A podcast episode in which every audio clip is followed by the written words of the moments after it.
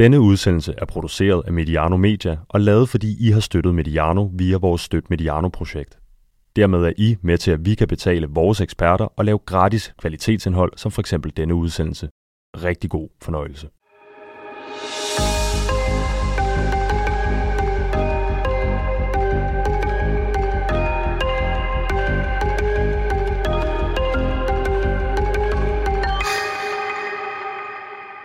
Velkommen til en Premier League special. Normalt så er det Adam Møller Gomara, Rasmus Monnerup og Thomas Pønt, som I lytter til, når der skal snakkes engelsk fodbold her på Mediano. Men i dag gør vi noget lidt andet. I dag skal vi lave en uh, lidt anderledes optag til Newcastle Manchester City på søndag. I dag skal vi tale om de mange og ofte problematiske politiske interesser i Premier League. Mit navn er Sebastian Stanbury. Jeg er journalist, vært og redaktør her på Mediano. Med mig har jeg Stanis Elsborg. Velkommen til, Stanis. Tak for det. Stanis, bare lige kort. Premier League har den måske bedste fodbold, og den bedste fodboldatmosfære i hele verden. Ligaen og den engelske fodboldsånd er elsket over hele verden, fra Kalifornien til Korea. Det er en enestående sportslig og økonomisk succes. Hvorfor skal vi tale politik, i stedet for bare at nyde de der superstjerner og inspirerende atleter, man kan finde i Premier League? Hvorfor skal vi ikke bare nyde øh, Newcastle mod Manchester City på søndag? Ja, men det, øh, det, det kunne man også godt øh, ja, i gå så en bar øh, gøre, og nu, nu ved jeg godt, at du ikke øh, mente det sådan, men, men vi skal heller ikke øh, tale politik i stedet for sporten, men jeg synes jo, at vi også skal tale politik, fordi det er øh, så stor en del af fodbold og sportsverdenen, og Premier League er jo øh, netop, fordi af de grunde, du nævner her, på grund af dens popularitet, et meget, meget yndet sted for mange nationalstater øh, og ledere at engagere sig i.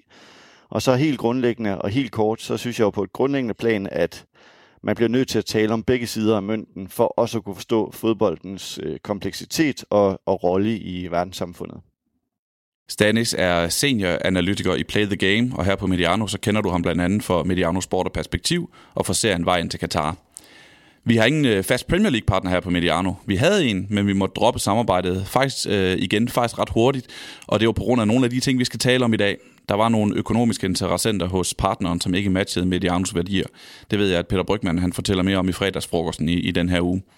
Så derfor laves denne udsendelse takket være Støt Mediano. Vi har fået massiv opning for, for vores kære og trofaste lyttere, der bakker op om vores arbejde via Støt Mediano. Det er i adskillige hundrede, der gør, men der er plads til mange flere. Og man kan vinde et lækkert sæt Mediano hørebøffer fra Miego, hvis man er frivillig abonnent. Som chefredaktør Brygman siger, Google støt Mediano, så kan det ikke gå helt galt. Nå, Stanis, lad os komme til det. Når vi taler om politiske interesser og politiske interessenter i Premier League, hvad taler vi så om?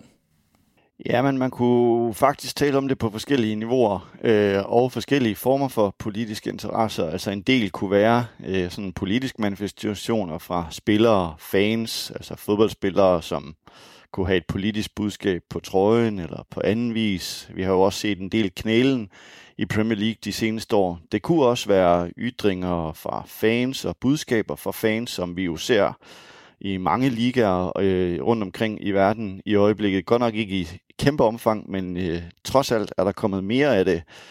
Det kunne også være det politiske dimension, som hedder, at Premier League er øh, jo nok den mest sete øh, liga i, i verden, og derfor så er den jo også en øh, vigtig strategisk øh, aktør for de britiske politikere. Øh, men jeg tænker, at øh, det vi skal tale om i dag, det handler mere om den her storpolitiske brug af klubberne i Premier League. Altså kort sagt, hvordan især øh, autoritære stater, de bruger klubberne som en del af deres meget, meget politiske projekter.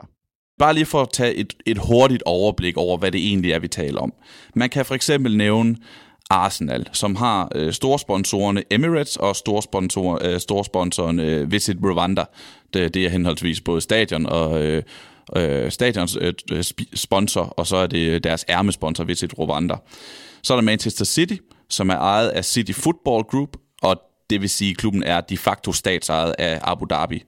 Og der er Newcastle United, som er ejet af Saudi-Arabiens Public Investment Fund, de facto ejet af Saudi-Arabien, statsstyret.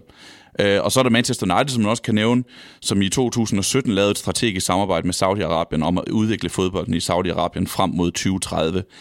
Er der andre, øh, der er i Premier League af politiske årsager, stater eller hvad det måtte være, øh, som der er vigtigt at nævne i den her sammenhæng, Dennis? Der er i hvert fald nogle andre klubber, som har nogle interessante koblinger, man kunne kigge på. Altså for eksempel Wolverhampton, som jo har en, en kinesisk ejer, hvor der også er en, en interessant historie om hans forhold til den kinesiske regering. Der er også Lesters thailandske ejere, som jo ikke er den thailandske regering, men nogle meget, meget succesrige forretningsfolk, som kunne være interessant at kigge på. Altså, hvad er det for nogle interesser, øh, der også er på, på spil her? Øh, så er der Nottingham Forest, som jo har en græsk ejer, som er en meget, meget succesrig forretningsmand inden for, for mediebranchen, og som har nogle meget tætte bånd til, til den græske regering. Der er Aston Villans øh, egyptiske ejer, forretningsmand Nassef Saviris, som jo er meget engageret i det, i det politiske liv i Ægypten. Det har han været igennem mange, mange år. Så er der Everton, som jeg synes er, øh, er særlig interessant, fordi den jo ejes af den britisk-iranske forretningsmand øh, Farad Moshiri, som jo tidligere har haft ejerandel i, i Arsenal sammen med, med russeren Alisa Usmanov, som jo har meget tætte bånd øh, til Vladimir Putin. Og de har altså nogle forbindelser, de to, som, som er interessante at, at kigge på og holde øje med. Så er der jo også en del øh, amerikanske investorer øh, osv., det kommer man ikke udenom, som jo også indgår i nogle formentlig meget interessante netværk. Men jeg vil sige, at der, hvor jeg har kigget mest hen, det er de klubber, du, øh, du nævner før, fordi at der er interesserne så entydige, og det er primært dem, jeg også har beskæftiget mig med, så det er nok også dem, jeg vil komme til at, at fremhæve de fleste ting ved. Bare lige inden vi går i, i gang med dem, for, nu har du nævnt for eksempel Lester, som meget af en thailandsk øh, rig familie, øh, øh, og det har altid været mit indtryk, at Lester ligesom har været brugt som en måde at at sælge nogle varer i Thailand. At det, men er der også politik indbladet, når de her forretningsmænd fra, fra udlandet investerer i Premier League? Ja, altså der, det, det, er, det er relativt, fordi der er meget stor forskel på, hvad det er for nogle firmaer, vi, vi taler om. Altså når vi kommer lidt længere hen i programmet i dag, så øh, det jeg i hvert fald ønsker at illustrere i dag, det er, at mange af de firmaer, som jeg vil omtale, ja, de har faktisk øh, ikke bare tætte koblinger til øh, styret i de forskellige lande, de er styret er styret i det pågældende land. Så er det klart, at for Thailand og, og sælge varer og så videre, har selvfølgelig også nogle, nogle sådan indrigs øh, indrigs øh, aspekter i det pågældende land, og det vil det jo også have for Thailand, når det blandt andet handler om at sælge øh, thailandsk eget øl og så videre, som det har, har gjort i Leicester. Så på den måde har det formentlig ikke været den thailandske regering, der har øh, sendt nogle investorer øh, til Leicester, som vi vil se med, med nogle af de andre eksempler med Manchester City og, og Newcastle for eksempel. Øh, men der er altid øh, nogle tråde, der kan forbindes til det politiske liv, og øh, nogle er mere sunde end andre. Du har været lidt inde på det i indledning, men hvorfor er det, at Premier League er interessant at bevæge sig ind i? Hvorfor lige netop Premier League for de her øh, politiske interesser? Jamen det, det er fordi øh, fodbold er den klart mest populære sportsgren i verden. Altså dens rækkevidde og opmærksomheden omkring ligaen er jo enorm på et globalt plan. Altså med globaliseringen op igennem 90'erne, nød Premier League jo både øh, godt af, men også øh, mindre godt af, øh, fordi det nemlig også åbnede for interessen for nogle af de autoritære styre, vi skal snakke om om et øjeblik. Øh, og de engagerer sig jo både med ejerskaber i klubber, de engagerer sig via sponsorater, som jo åbner op for nogle netværk og nogle diplomatiske forbindelser på det europæiske marked, som de ikke nødvendigvis vil komme i nærheden af, i hvert fald ikke på samme måde, fordi det som sporten kan, det er for de her statsledere osv., der kan man ligesom gå under den normale politiske radar. Man skal ikke altid arrangere store øh, politiske topmøder, man får ligesom adgang til andre investorer og andre firmaer i den pågældende by. Vi har set, hvordan Abu Dhabi har engageret sig i, i Manchester, øh, og så handler det jo også om, at de jo bruger sporten til at skabe et andet image, end øh, hvad mange vil forbinde med nogle af de her lande, som har alvorlige menneskerettighedsproblemer. Ja, det synes jeg, vi skal gribe fat i, fordi vi har lært at sige sportswashing inden for de seneste sådan 5-10 år. Jeg har set dig argumentere for, at vi skal til at bruge et andet begreb, et andet begreb, soft power. Kan du ikke lige forklare, hvad er sportswashing, hvad er soft power, og hvorfor er det mere relevant at bruge soft power om det, vi ser i Premier League? Jo, det, det lyder næsten allerede kedeligt akademisk, ikke? Men, men øh, man kan sige, at, at sportswashing i dag øh, bruges jo rigtig meget i relation til for eksempel VM i Katar, Saudi-Arabiens køb i Newcastle, deres nye golfturnering, øh, LIV, som jeg vender tilbage til lidt senere, øh, som Saudi-Arabien jo også står bag, og så selvfølgelig også vinter i februar måned tidligere år, der øh, er det her øh, ord jo blevet knyttet til rigtig mange gange. Øh, og specielt også de seneste to år, så er det et ord, som jo gennemsyrer debatten om autokratiske staters brug af sport til ligesom at renskure deres image eller fjerne fokus fra, fra deres menneskerettighedsproblemer. Øh, ordet og brugen af det, det, det er jo ikke særlig gammelt. Altså første gang man faktisk støder på det, det er i forbindelse med det, der hedder European Games øh, i 2015. Det er sådan en slags europæisk pendant til de, de normale olympiske lege, som vi kender, og det finder sig sted i, i Azerbaijan. Og øh, der udsender organisationen Sport for Rights kort før begivenheden faktisk en, en pressemeddelelse, hvor man under overskriften sportswashing så ligesom skriver, at Azerbaijan øh, bedriver sportswashing. De forsøger at bortlede opmærksomheden for menneskerettighedssituationen ved for eksempel dyre sponsorater øh, ved Formel 1, EM i fodbold øh, og øh, så European Games. Og øh, i årene efter, så ser vi så den her meget, meget øh, stigende interesse for at bruge ordet øh, sportswashing. Øh, dengang øh, er ingenting sammenlignet med i dag. Altså, der går jo ikke andet end en dag, øh, så øh, er der en ny artikel, hvor ordet indgår. Det er sportsvaske, er blevet kåret til årets ord i Norge øh, sidste år. Øh, og inden jeg, inden jeg kritiserer begrebet, så vil jeg sige, at der er også noget positivt omkring det, fordi øh, det meget store fokus, der har været på sportswashing de seneste år, det har jo også gjort, at der er kommet en meget større forståelse og interesse for forholdet mellem sport, politik øh, og menneskerettigheder, og hvordan sporten generelt øh, bruges politisk. Når jeg alligevel hejser et flag, så er det fordi, at øh, der er også nogle problemer ved det, og det, det den meget lidt sådan ukritiske brug af ordet i, øh, i forskellige medier, øh, fordi der er ikke rigtig bred enighed om, hvad sportswashing egentlig dækkes over, og hvordan det skal defineres. Øh, man ser mange forskellige øh, beskrivelser af ordet i de forskellige medier, både i Danmark og, og internationalt. Øh, og så synes jeg, begrebet øh, efter min mening mangler nogle sådan helt afgørende nuancer i forståelsen for, hvorfor de her nationalstater investerer så massivt i, øh, i sportsverdenen. Øh, jeg har selv brugt begrebet meget. Øh, analytikere bruger det enormt meget. Journalister, meningsdannere, politikere bruger det øh, også nu. Øh, Øh, og det efterlader ofte, synes jeg, indtrykket af, at, at det jo nærmest kun er de her autoritære lande, som kan finde ud af at bruge sporten politisk. Øh, og det, det er langt fra tilfældet jo. Altså OL i London 2012 var en aldeles politisk begivenhed for det britiske styre. Ligesom Tour de France, kunne vi nævne i år på dansk grund, jo også er blevet brugt som en del af nogle politiske interesser. Og når jeg så appellerer for brugen af, af soft power, så er det jo selvfølgelig, fordi jeg synes, det er et bedre begreb øh, at bruge, øh, og jeg skal nok skitsere, øh, hvorfor øh, om et kort øjeblik, men det giver altså en større forståelse for sporten som et, et politisk værktøj. Det er en teori, der har mange år på banen nu. Den blev etableret i 90'erne, senere udfoldet i en bog i, i 2004 af en, der hedder Joseph Nye. Og det, der var, er interessant øh, ved den teori, det er, at han faktisk udvidede vores forståelse af magt og magtrelationer. Altså magt ikke kun sådan alene består af de traditionelle magtfaktorer, som vi kender som militær magt eller økonomisk magt, øh, som er det, han vil kalde for, for hard power. Øh, der er nemlig også den her sådan anden magtform, altså soft power, eller på blød, blød magt kalder man det øh, på dansk, som så handler om, at man altså den her evne til at få folk til at få, hvad man ligesom ønsker gennem tiltrækning og overtagelse.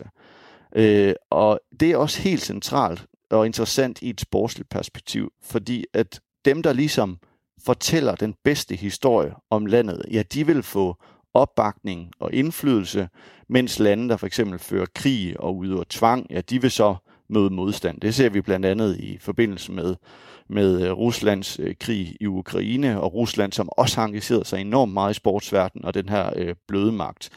Og så øh, helt til sidst ved, i forhold til begrebet, så vil jeg sige, at det, det, det fun- når, når jeg synes, det fungerer bedre, så er det også fordi, at når vi bruger sportswashing, så bliver det for meget, mig sådan meget, meget snævert på sportens rolle. Altså som om sporten er med til ene og alene at skabe et andet billede, øh, image af landet. Fordi sandheden er jo, at de her autoritære lande, øh, som vi kommer ind på om lidt, har nogle meget avancerede øh, strategier, som sigter langt ud over sporten, og hvor sport kun indgår som en brik i deres, øh, i deres politiske strategier.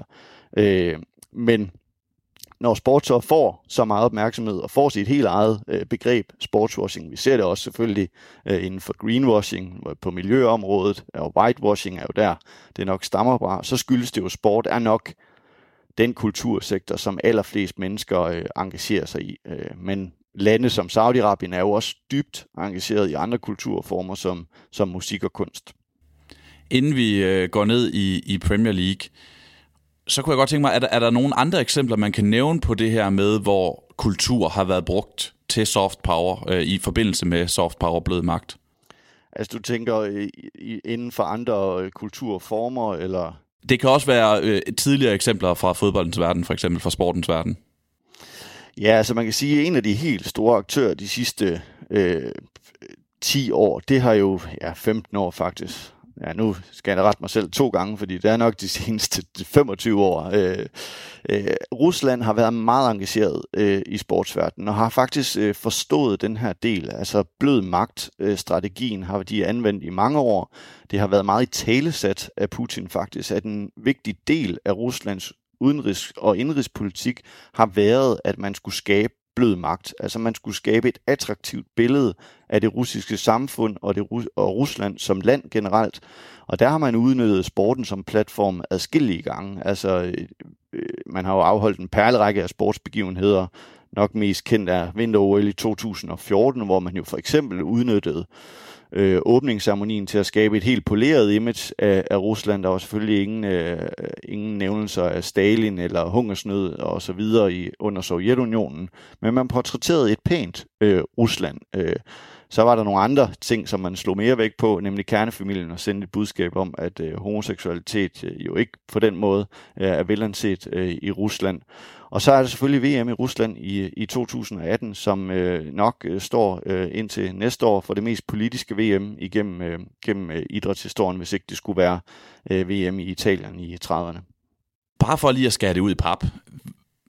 Kan, vi ikke prøve at sætte, kan du ikke prøve at sætte på, hvorfor, hvorfor den her problematik, nu snakker du om Rusland, vi, ser, vi skal også til at snakke om øh, mellemøstlige styres øh, engagement i sportsverdenen. Hvorfor er den et problem? Fordi jeg kan nogle gange sige, du nævnte selv det der med at knæle, som er et, et antiracistisk budskab. Vi kommer også til at se øh, i den kommende runde i Superligaen, det er Pride-uge her i, i Danmark, i København. Vi kommer til at se FC Nordsjælland spille, se, spille i en uh, special uh, Pride-trøje. Der bruger man jo også politikken, uh, sporten, uh, og som, uh, som politisk. Hvorfor er det et problem med de her mellemøstlige styres uh, involvering? Hvorfor må de ikke? Jamen helt grundlæggende, så, så, så, øhm, så synes jeg, det er ved at være på tide, at sportverdenen indser, at den er på vej ned ad en glidebane, og øh, hvad jeg i hvert fald opfatter som en, en uheldig vej. Altså sportsverdenen og idrætsverdenen har i alt, alt for mange år og alt for længe givet plads til autoritære styres politiske arrangementer og interesser. Øh, og man må efterhånden tro, at de fleste idrætsledere har fundet ud af, at øh, der burde være noget galt her, fordi Øh, det, der er kerneproblemet, det er, at hvis vi tillader de her autoritære styre og gør så massivt politisk brug af sporten, så tillader vi sådan set også et værdisæt, som i høj grad udfordrer idræt og sportsverdenen eget værdisæt.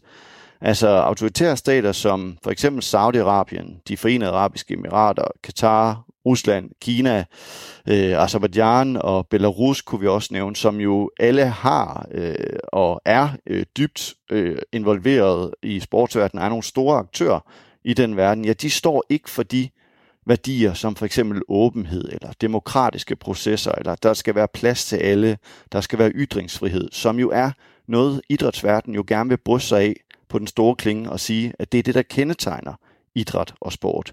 Og hvis de landes relative magt jo bliver større og større, øh, og det øh, skal jeg nok give eksempler på øh, om lidt, så, øh, og hvordan det har udviklet sig de senere år, så vil de værdier jo blive udfordret over tid, fordi de her autoritære lande, som jeg lige har nævnt, de er jo enormt autokratiske og topstyret, og hvor der historisk set jo ikke har været plads til at alle er lige, og alle har lige rettigheder, eller der er plads til ytringsfrihed eller pressefrihed, og der er heller ikke åbenhed. Det er i hvert fald ikke noget, de, de sætter specielt højt. Og hvis de kommer til at fylde mere og mere i idrætsverdenen, så er jeg nervøs for, at det faktisk vil ud, øh, udfordre hele idrættens øh, værdigrundlag.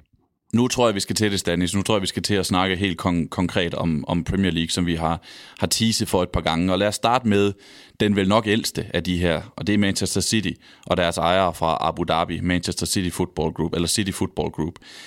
Det er en ejerstruktur, der nu strækker sig øh, snart 14 år. Ja, 1. september 2008 overtager Abu Dhabi Manchester City. Og hvad er strategien bag den investering? Ja, man kan sige, at jeg vil nok starte med at fremhæve en meget central figur, altså Sheikh Mansour, som jo er en del af, af den royale familie og, øh, og i, i de forenede arabiske emirater og bror til præsidenten i, øh, i de forenede arabiske emirater. Øh, deres familie, øh, som de kommer fra, styrer jo så det ene emirat, altså Abu Dhabi. Og der er flere emirater. Et af dem kommer vi til øh, lidt senere, nemlig Dubai. Øhm, Øh, Øh, Sheikh Mansour ejer så den her private investeringsgruppe Abu Dhabi United Group, som jo er det investeringsfirma, der stod bag købet af Manchester City i, i 2008. Øh, han overdrager øh, så ret hurtigt øh, mere eller mindre ansvaret til ham, der hedder Khaldun Al-Mubarak, øh, som også er en central skikkelse, øh, og så til det holdingselskab og investeringsgruppen, som hedder City Football Group. Og øh, i en lang overrække, der var øh, City Football Group øh, ejet jo øh, øh, ene og alene af det her Abu Dhabi United Group, hvor at Sheikh Mansour jo er, er, har stået i spidsen. Senere kom der så det, det til, der hedder China Media Capital og Silver Lake, øh, og havde mindre ejerandel. Sidste sommer, bare lige for at gøre ejerskabet øh, færdigt, der ændrer man så lidt i ejerstrukturen, sådan at man faktisk stadig har China Media øh, Capital og Silver Lake som en del af ejerskabet, men majoriteten er nu ikke længere hos det, der hedder øh, Abu Dhabi United Group, men hos det, der hedder Newton Investment and Development. Øh, det lidt specifikt er så, at det sådan set også bare er ejet af Sheikh Mansour, så der er sådan set ikke ændret øh, ret meget i det. Øh, hvis man kigger på strategien bag City Football Group, og det er en ret interessant øh, strategi, fordi den adskiller sig en lille smule fra nogle af de andre lande, vi har set i fodboldverdenen, Katar for eksempel, eller øh, Saudi-Arabien, som vi skal snakke om øh, senere. Og strategien bag bygger jo på den her disnificeringsidé, altså hvor oplevelsen til fodboldkampe skulle være mere underholdning, end det skulle være fodbold.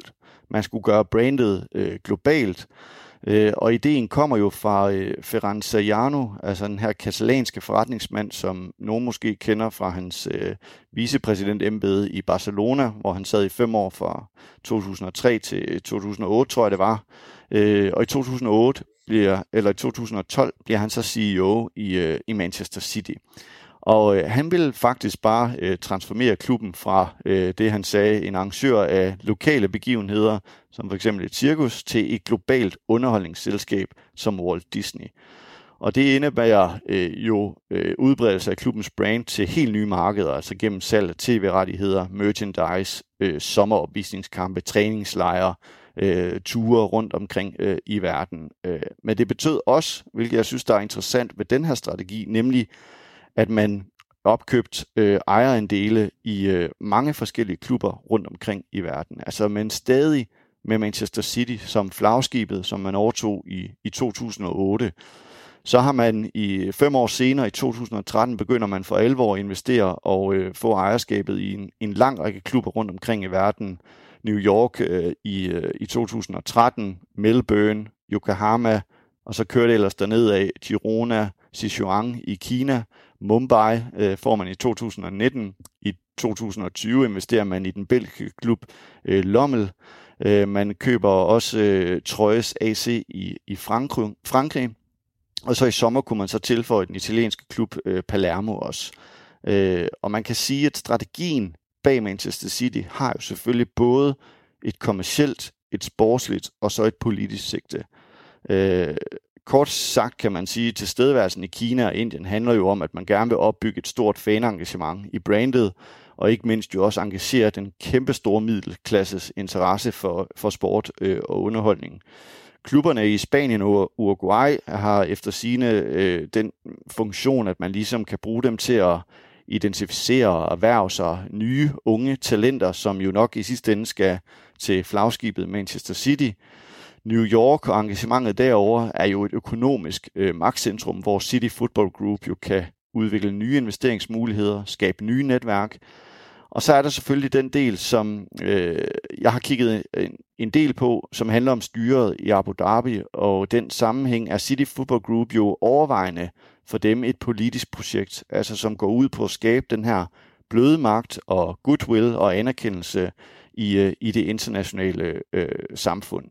Og så vil jeg lige nævne her, at øh, en interessant skikkelse, man skal få øje med Manchester City, det er Australien Simon Pierce, som også sidder i City Football Groups bestyrelse, men som også har en lang række andre betydningsfulde poster for, for styret i Abu Dhabi. Og øh, en af de strategier, han har bragt ind, det er, at han gør en dyd ud af, at medierne ikke skal forbinde klubberne, dem jeg nævnte før, med Abu Dhabi styre, eller med Manchester, øh, men at de skal forbindes med, øh, med City Football Group. Øh, fordi at man vil hellere have, at de forbindes med noget progressivt, og ikke for eksempel med, med de forenede arabiske emiraters kriminalisering af, øh, det kunne være homoseksuelle, manglende rettigheder for kvinder, øh, som ikke har de samme rettigheder som mænd, og, og deres helt basale menneskerettighedskrænkelser. Og det gør han på, øh, på forskellige måder. Altså, man prøver at promovere Sheikh Mansour som den her innovative, velhævende forretningsmand, i stedet for en, en autokratisk øh, statsmand udsendt øh, af styret. Man gør det ved at oversvømme medierne med nyheder om, hvor progressivt de forenede arabiske emirater og Abu Dhabi de er det her ferieparadis. Øh, man angriber individer og gruppers motiver, hvis de skulle kritisere de forenede arabiske emirater. Og øh, det man kan sige med ham, det er, at han er utrolig øh, god til sit job, og øh, Abu Dhabi og købet af Manchester City er nok en af de største succeshistorier i de forenede arabiske emiraters øh, sportslige strategi. Inden vi, øh, inden vi kommer til den, så kunne jeg godt tænke mig at høre, fordi du nævnte det her med, at det er en privat investering i, i Manchester City. Øh, når vi kommer til Newcastle, så kan vi også høre, at det er en selvstændig saudisk øh, fond, der har investeret i, i Manchester City. Vi hører tit de her ord, øh, selvstændige, øh, private. Hvordan kommer koblingen til styret så? Jamen, koblingen er entydig, og, og det, det, det er næsten helt øh, grotesk, øh, når vi hører de der udsagn. Fordi at øh, dem, der sidder som enten formand, bestyrelsesformand, direktør, administrerende direktør, ja, ja, de er en del af den royale familie. Altså, nogle af de selskaber, vi skal snakke om et øjeblik, de er styret og etableret af de royale familier i de forskellige lande.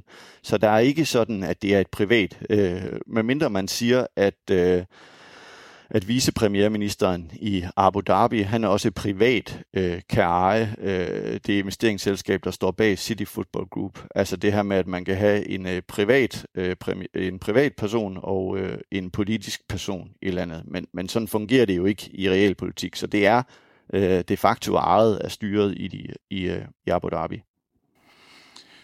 Du nævner det her med, at man samtidig man, man vil man vil godt sørge for, at øh, Manchester City ikke kobles direkte til Abu Dhabi, men mere til, eller de her fodboldklubber mere kobles til City Football Group, som du kalder det, så de ikke bliver øh, koblet til, til, til selve Abu Dhabi. Men hvordan, hvordan skal det så smitte positivt af på Abu Dhabi? Kan du prøve at sætte nogle ord på den her strategi, øh, Abu Dhabis lidt større sådan sportslig strategi, for at give en forståelse af, hvilken rolle sporten har i deres politiske strategier?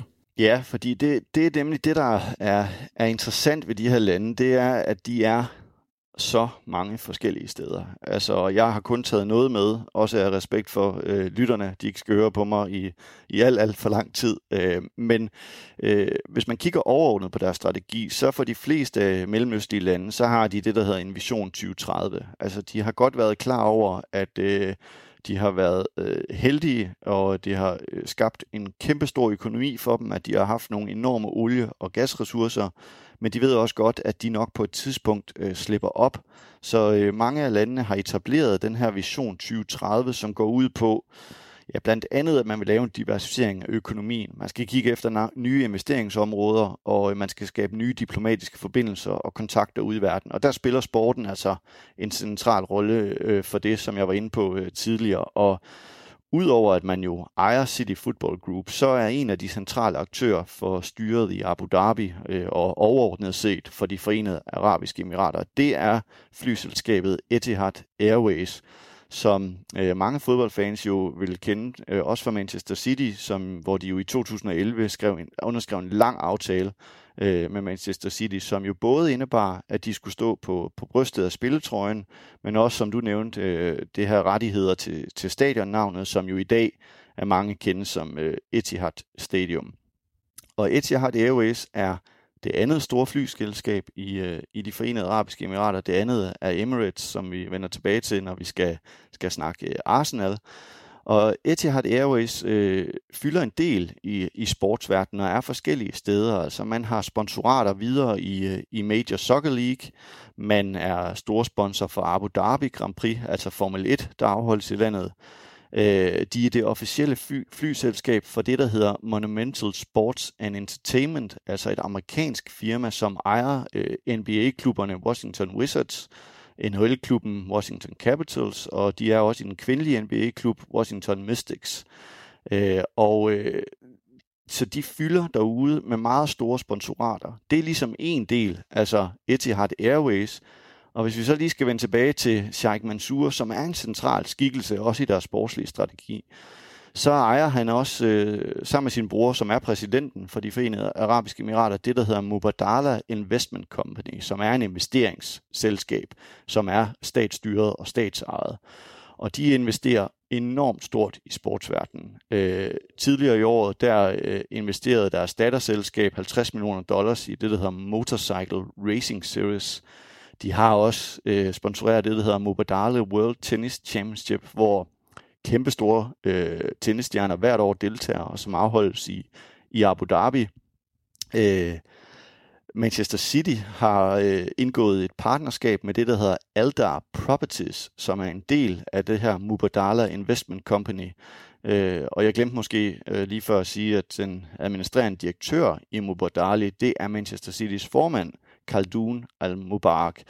Øh, Manchester City har også lavet et, et øh, sponsorat med firmaet Mastar, som også er støttet af Mubadala. Øh, tidligere i år, der annoncerede det, der hedder Sail GP, som står for en masse kæmpestore sejlsportsarrangementer. Et partnerskab med, med Mubadala, som gjorde dem til titelpartner øh, af deres Grand Final. Øh, og dengang så sagde deres, øh, deres CEO ligesom, at øh, Sail GP og Mubadala, de har ligesindede mål for en, for en bedre fremtid.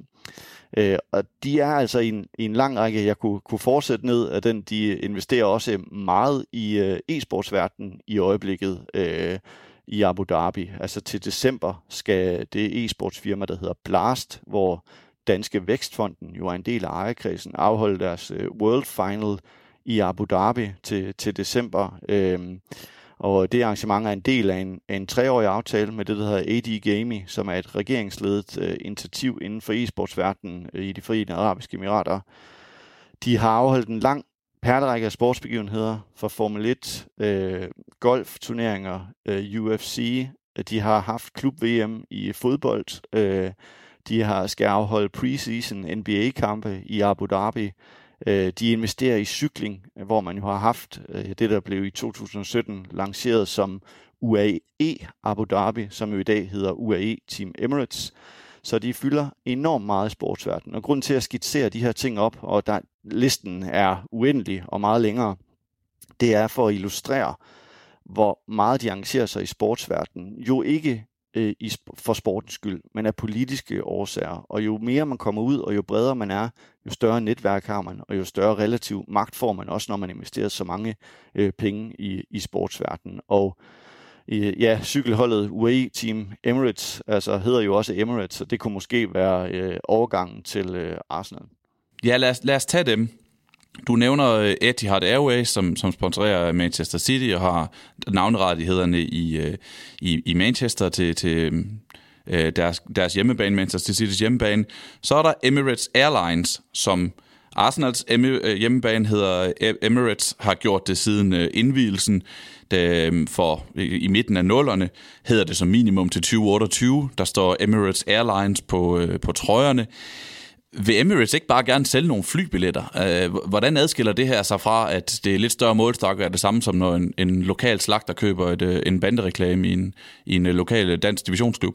Ja, men det adskiller sig, fordi at Emirates flyselskabet øh, man kan sige, det der er lidt interessant ved de forenede arabiske emirater, i modsætning når vi skal snakke Saudi-Arabien om et øjeblik, det er, at det er jo opdelt i forskellige emirater. Det vil sige, at vi har Abu Dhabi, som vi snakkede om før, som har et stort engagement i, i Manchester City og nogle af de andre dele, jeg lige, lige nævnte. Og så har vi også emiratet Dubai, som så er der, hvor Emirates kommer fra. Altså den royale familie og den, den familie, der øh, styrer styret i, i Dubai, de er ligesom også dem, der har Emirates. Så det er ligesom det flyselskab, der kommer fra Dubai-delen.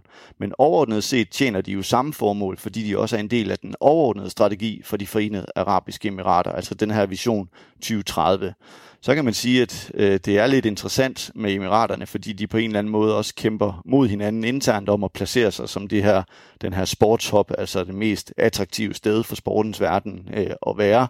Øh, men det tror jeg nu, de tager med, fordi de når bredt set ud, nemlig med det budskab, at øh, det også handler om emiraterne og skabe et bedre billede og bedre forbindelser og, øh, og aftaler for de forenede arabiske emirater.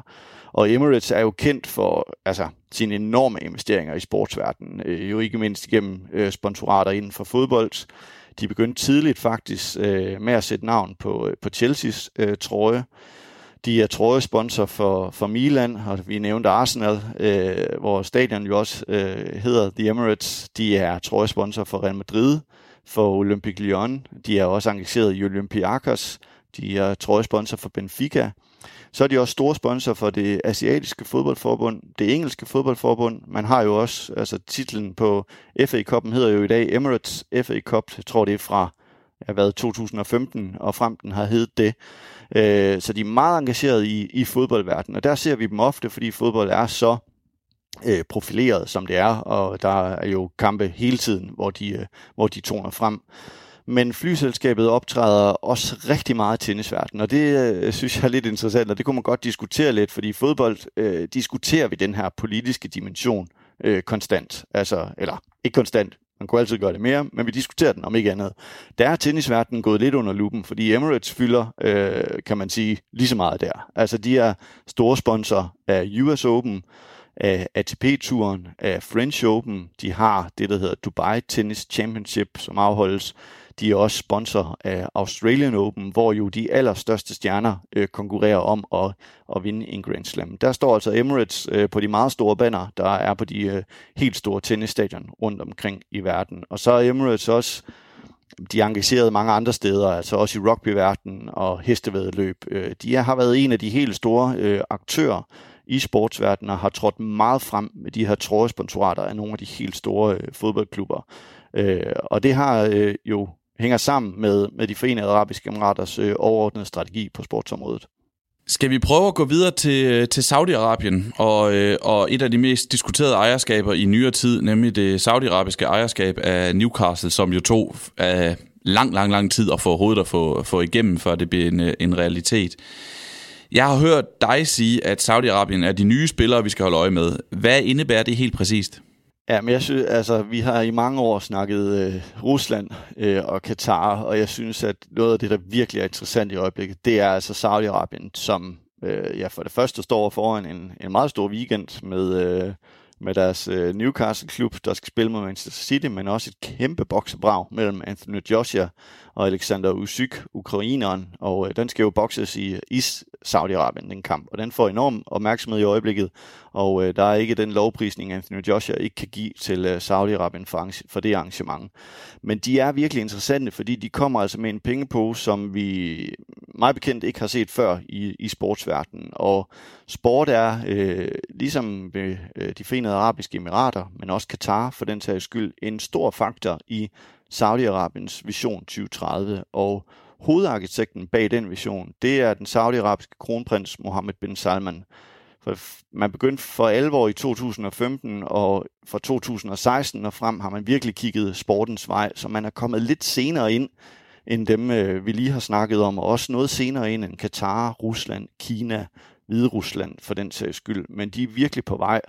Øh, og den vision, de har, handler blandt andet om, at man vil skabe reformer og den her diversificering af den, af den saudiarabiske økonomi, men den handler altså også om en opjustering af de underholdningstilbud, som man kan give den unge saudiarabiske befolkning. Og der er sport jo ved vi, en meget dragende effekt og øh, fylder rigtig meget for rigtig, rigtig mange mennesker.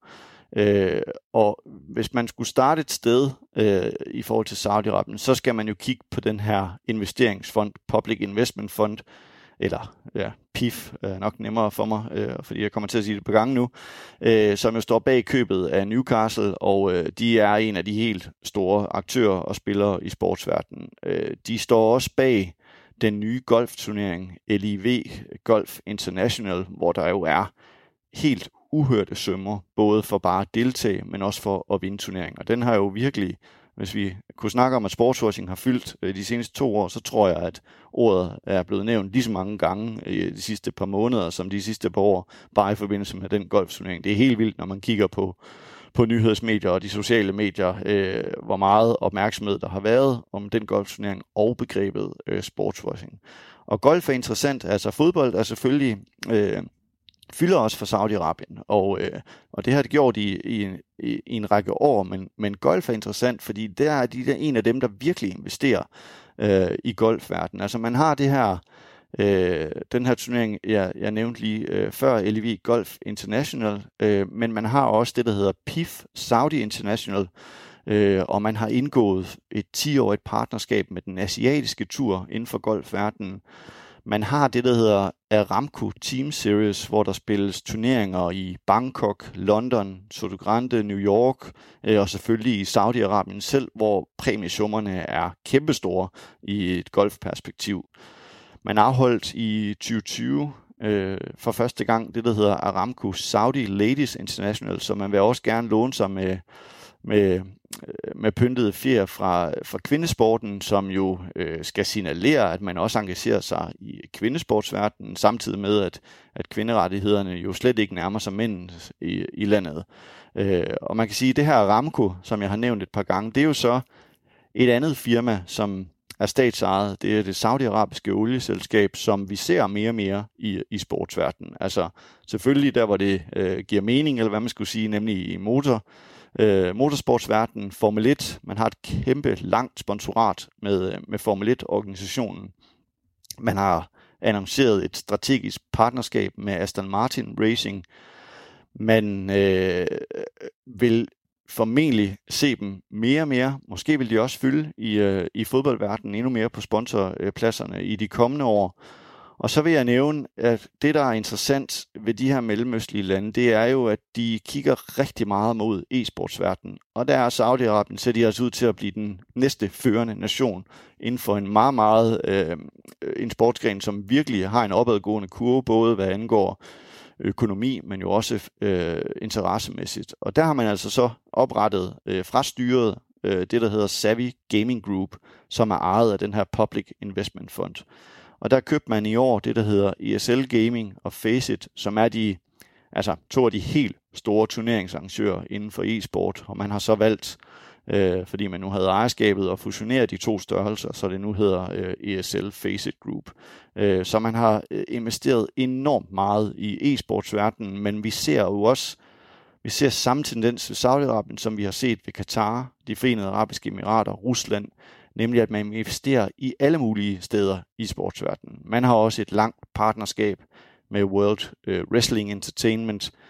Man har jo afholdt en række øh, store sportsbegivenheder, som også er interessant i, øh, i fodboldregime, men først og fremmest har man jo et, et prestigefyldt Formel 1.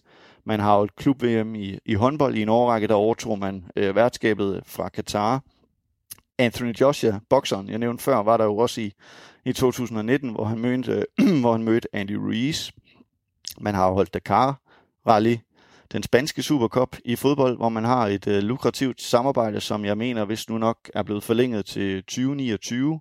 Man har afholdt den italienske Supercup i fodbold. Man skal afholde de asiatiske olympiske lege i 2034 man ønsker at afholde de asiatiske vinterlege, og det lyder lidt underligt i Saudi-Arabien, men man har det, øh, der hedder Neom, en ny kæmpe hypermoderne by, hvor det så også er muligt et sted i den by at afholde øh, vinterleje og vintersport. Man vil afholde de, kvindelige mester, øh, de asiatiske kvindelige mesterskaber i fodbold i 2027.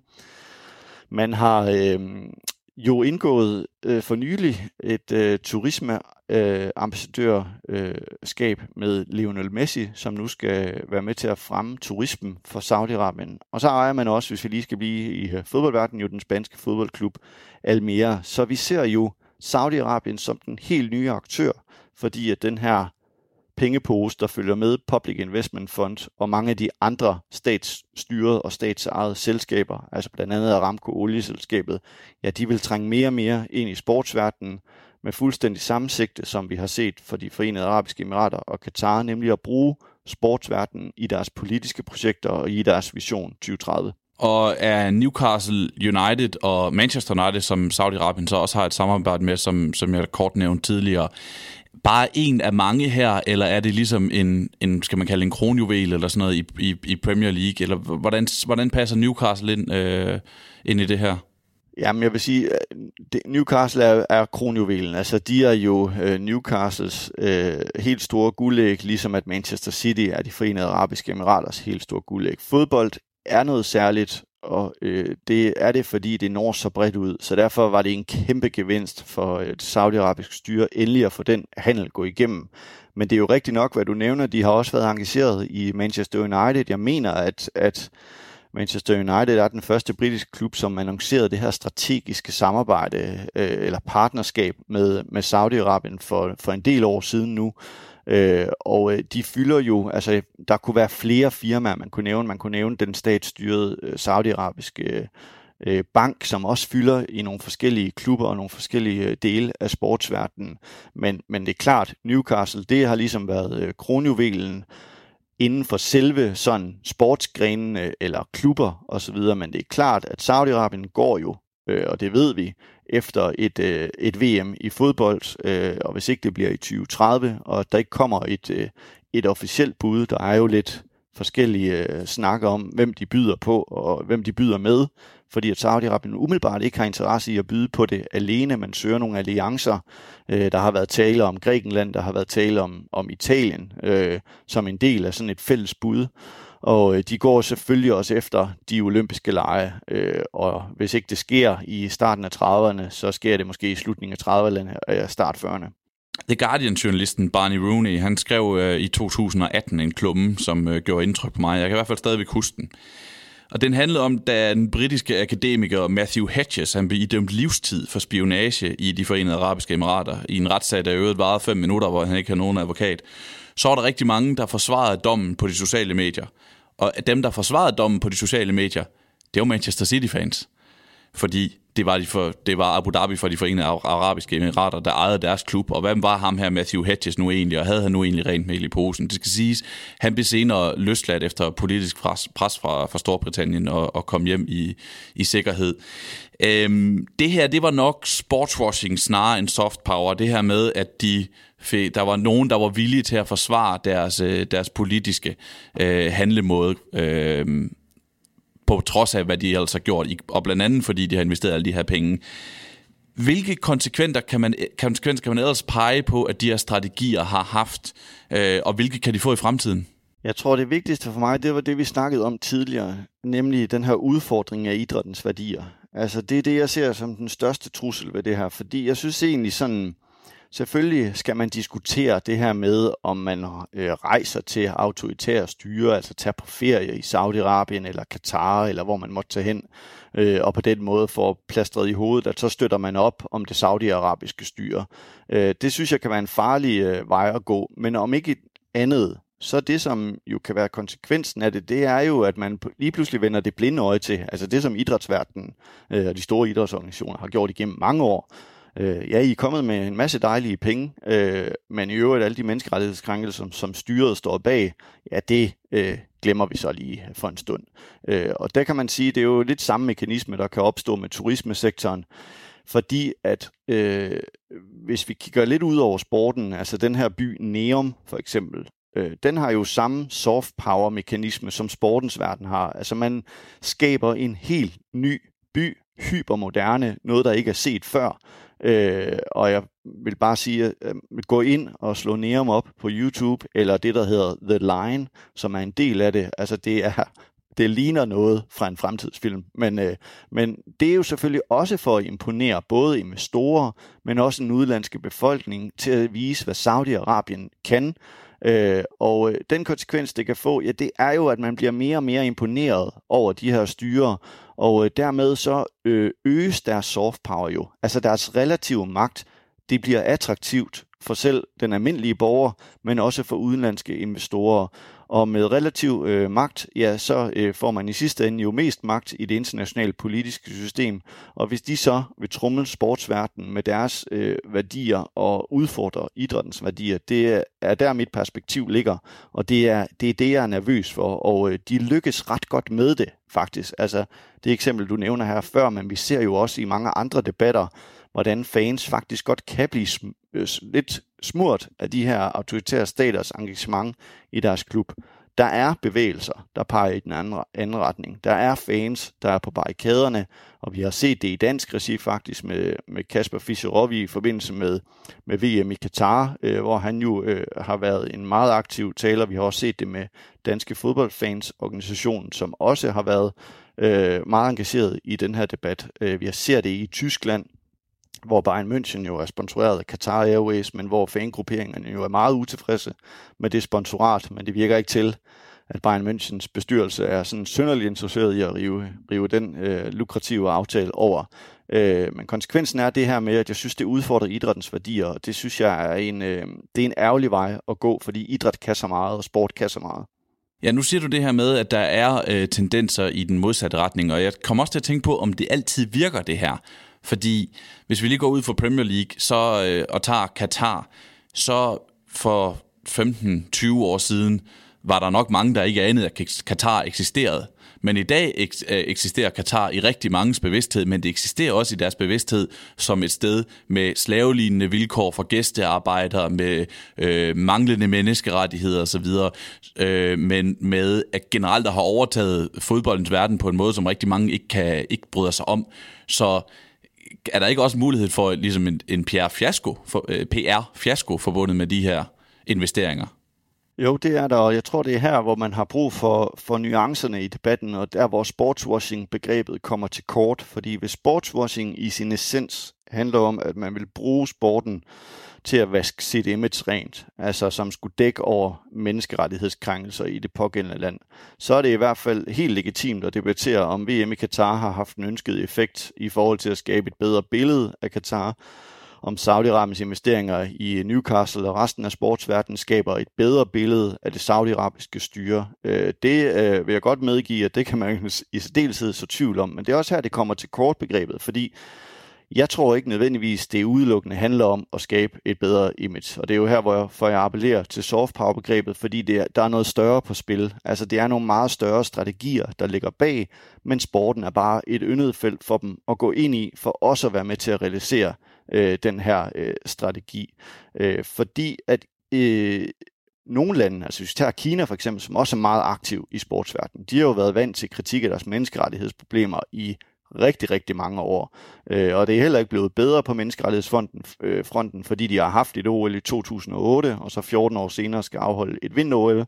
Snarere tværtimod er det gået lidt tilbage på menneskerettighedsområdet. Ikke desto mindre, så fylder de her lande jo rigtig meget i, i sportsverdenen. Og øh, det, der virker, det er jo, at de får skabt nogle lukrative aftaler. De får skabt nogle nye diplomatiske forbindelser. Der blev udgivet en rapport her tidligere i år, som jeg lige her skal indrømme, at jeg ikke har fået læst øh, nærliggende, men som kiggede på Abu Dhabis engagement i Manchester, altså byen, øh, ikke bare klubben, men selve byen, hvor øh, sådan forretningsmæssigt, og hvor stort engagement de har haft der, som selvfølgelig har givet dem nogle særlige øh, forbindelser, nogle særlige aftaler, som også nogle gange går den anden vej. Og der øh, spiller de her flyselskaber også ind igen, fordi vi ser faktisk, hvordan at øh, Qatar og Qatar Airways øh, også har skabt øh, efter de sponsorerede en kinesisk klub, så øh, gik der ikke ret lang tid, ja, så øh, var der også nye, øh, mange forbindelser fra Qatar til Kina. Vi har også set det med øh, Katar øh, og Frankrig, altså opkøbet af PSG, og hvordan Frankrig har øh, øh, invest, øh, hvad hedder det, investeret i Katar, og omvendt, hvordan Katar har investeret enormt meget i, i Frankrig og den parisiske by. Så det, øh, det handler ikke kun om det her øh, forbedrede image. Der tror jeg, at det hjælper øh, og har bidraget i et stort omfang igennem mange år, fordi opmærksomheden er meget sparsom. Og så skal det nævnes, på global plan, der er debatten slet ikke, som vi kender den i Danmark. Altså man diskuterer ikke øh, i Kina, øh, Saudi-Arabiens øh, menneskerettighedsproblemer og engagement i sportsverdenen, som vi kender det fra vores medier, som virkelig er kommet godt med de seneste par år. Altså, det må man sige, danske medier, både DR, TV2, Radio 4, øh, politikken, ekstrabladet, øh, Mediano, hvad der måtte være, og undskyld, hvis jeg har glemt nogen derude. Altså, der er jo virkelig sket noget i forhold til øh, både dækningen og opmærksomheden om, hvordan sport bruges politisk. Den eksisterer ikke, når vi rejser rundt ud i verden med Play the Game. Nu nævner du selv medierne her. Hvad er mediernes øh, rolle, eller måske skal vi ophøje det til mediernes ansvar i, i forbindelse med de her investeringer og det her emne, vi har talt om i dag? Ja, men de har jo en, en kæmpe rolle og et, et, et kæmpe ansvar. Altså fordi hvis ikke medierne dækker det, ja, så er der ikke ret mange, der kommer til at høre om det. Og øh, nu kender jeg ikke så meget til øh, Medianus lyttertal, men øh, må ikke vi når lidt ud her. Øh, og jeg ved også, at journalister, der jo lytter øh, til, jeres, øh, til jeres programmer, og det har jo betydet, at medierne har jo en kæmpe rolle i at få dækket det her. Og øh, der er lidt forskel på ansvar øh, og, og rolle, fordi at i Danmark har vi jo nogen, der hører, hører under public service-aftalen. Øh, DR og TV2, og der kan man sige, de har jo et, et større ansvar, øh, nu nævnte du selv det ord, i forhold til også at dække den her side af sportsverdenen.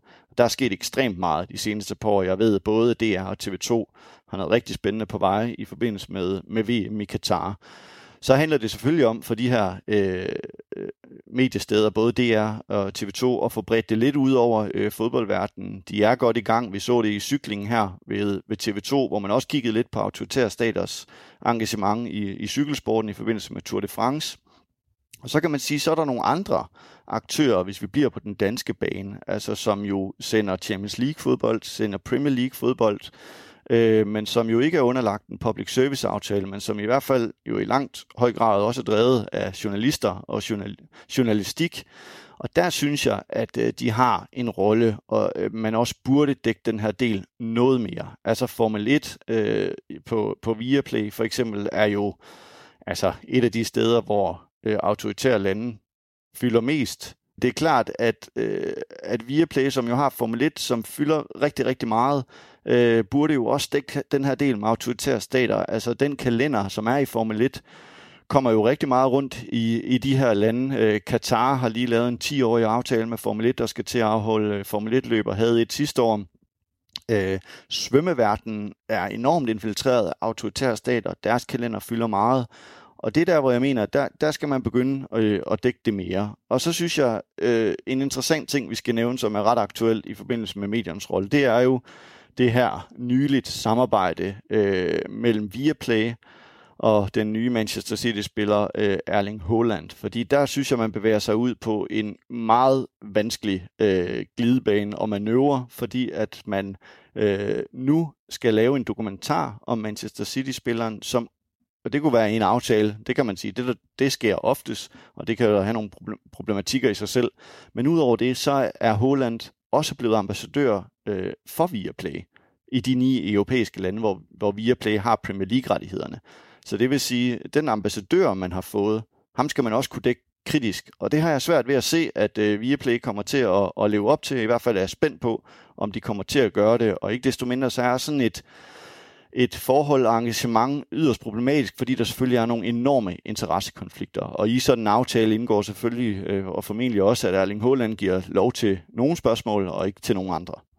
Og det her tænker du på, at så er det ikke sikkert, at han har lyst til i sådan en aftale øh, at forholde sig til ejerne bag den klub, han spiller fodbold for?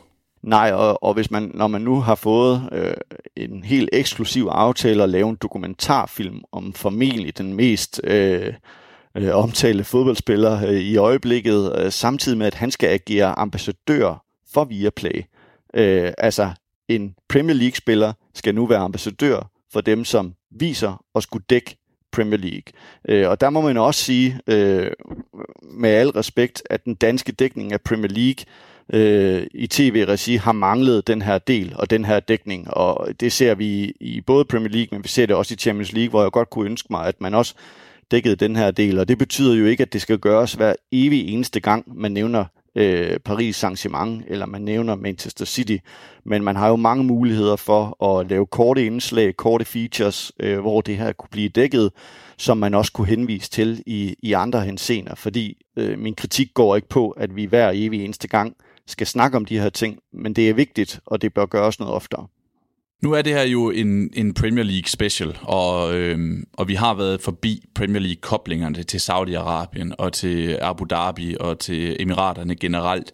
Du har også nævnt rigtig, rigtig mange andre øh, eksempler på, hvordan de her øh, regimer investerer i sportens verden. Jeg var de 20 Premier League-klubber igennem i researchen, og der er jo langt flere sådan, amerikanske rigmænd, der, der gerne vil score nogle penge på Premier Leagues popularitet, end der ejer med politiske interesser i de her klubber. Øh, trøjer sponsoraterne er i højere grad afsat til bettingvirksomhederne. Der handler det også om direkte at, at, at tjene penge på det her. Er det særlig relevant at tale om de her problematikker i forbindelse med Premier League? Øhm, ja, øh, fordi at, øh, som jeg håber, jeg måske har illustreret, så er Premier League blevet en del af de her landes store strategier, og det vil formentlig kun udvikle sig hen over årene. Altså både i form af formentlig ejerskaber igennem øh, statsejede selskaber, men også igennem store sponsorater. Der vil de, hvis de får muligheden, engagere sig endnu mere i, i Premier League. Vi så det jo faktisk øh, med Kina, som øh, en del kinesiske firmaer engagerede sig i Premier League. Det er blevet trukket lidt mere tilbage Kinas engagement i europæisk fodbold de seneste år, og der er også nogle meget væsentlige forskelle, som jeg ikke vil begynde at gå for meget ned i, men kinesiske firmaer er ikke på samme måde statsejet, som vi for eksempel har set med nogle af dem, jeg har nævnt her, men de er i hvert fald statskontrolleret og statsinflueret, så meget øh, kan man godt sige. Øh, men det er interessant at snakke om Premier League, fordi at det inden for fodboldverdenen er øh, den mest omtalte øh, liga vil jeg tro i hvert fald. Øh, men det er klart, at de amerikanere, du nævner, og bettingvirksomhederne for den sags skyld, altså det er et helt andet aspekt, som man bør diskutere endnu mere, og som der jo også bliver diskuteret i forbindelse med Premier League, og om det kan stå som et trådesponsorat, og jeg mener, at, øh, at ikke fra næste år det måske ikke kan lade sig gøre længere, eller hvordan det er.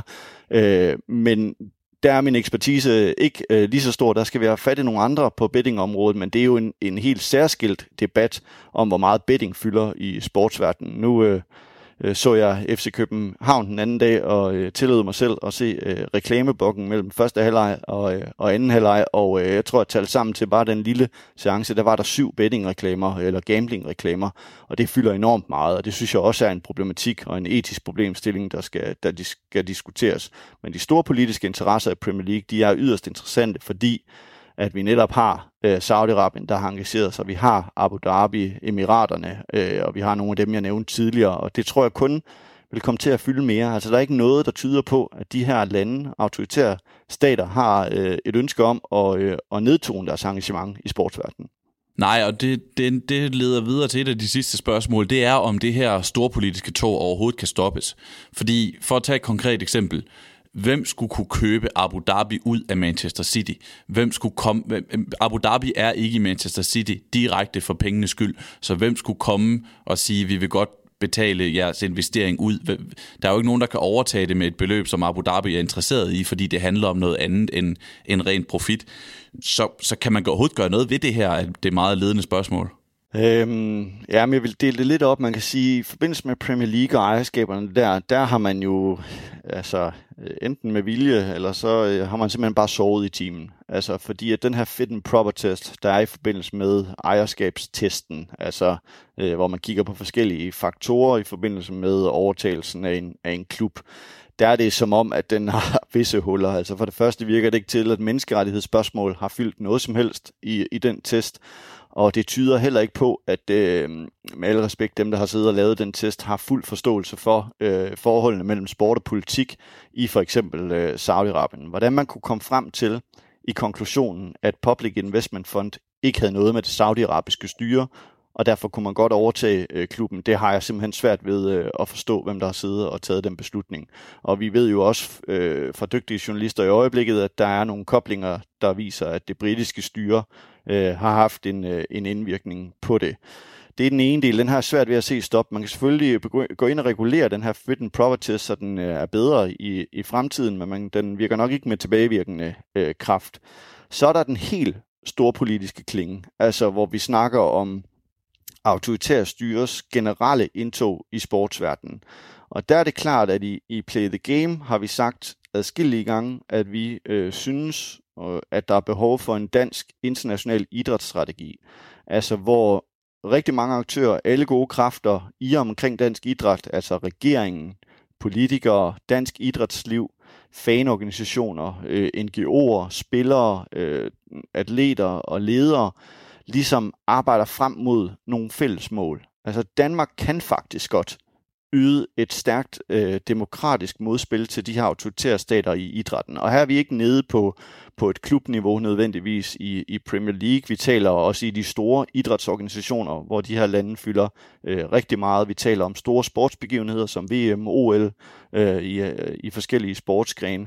Øh, og øh, der kan Danmark faktisk godt sætte et klart aftryk på den internationale idrætspolitiske dagsorden. Det kan ikke ske alene, det skal selvfølgelig ske i samarbejde med, med andre lande, øh, og som har et mere øh, demokratisk øh, øh, sindelag. Men der er altså en chance, der er et vindue, som står på klem, men, men det står altså stadig kun på klem, og det, det lukkes øh, nok snart, hvis ikke vi forsøger at give et demokratisk modspil til de her autoritære kræfter. Og den internationale idrætsstrategi, øh, Øh, skal jeg ikke øh, uddybe øh, for meget her, det bliver nok en lille smule for kedeligt, men den kunne bygge på tre spor. Altså, man har et forbundsspor, hvor idrætsorganisationerne kunne bruge deres stemme, altså i de regi, øh, de sidder med i, i FIFA, øh, UEFA, øh, IOC, den internationale olympiske komité osv.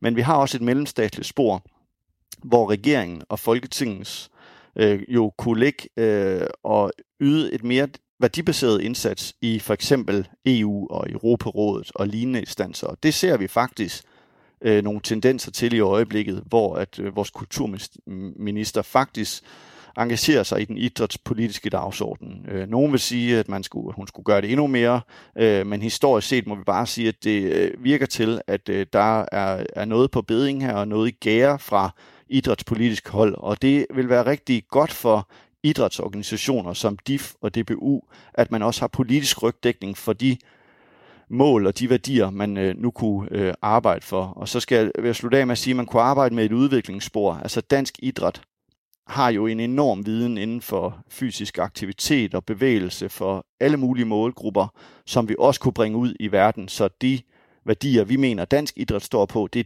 dem, vi vil forsøge at fremme ud. Altså en demokratisk, åben idrætsverden, og ikke en topstyret, autokratisk lukket verden.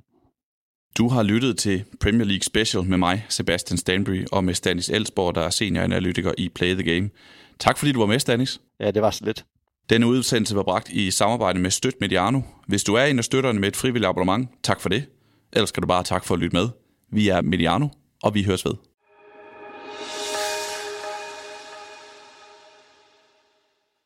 Udsendelsen, du lige har hørt, var produceret af Mediano Media og lavet, fordi I har støttet Mediano via vores Støt Mediano-projekt. Dermed er I med til, at vi kan betale vores eksperter og lave noget gratis kvalitetsindhold, som for eksempel den udsendelse, du lige har hørt. Vil du gerne støtte Mediano, eller hjælpe os med at sprede budskabet ved at fortælle det til andre, så fortæl dem om mediano.nu-stot, og det er S-T-O-T, for vi kan ikke skrive ø i vores URL. Tak fordi du lyttede med, også til dette budskab.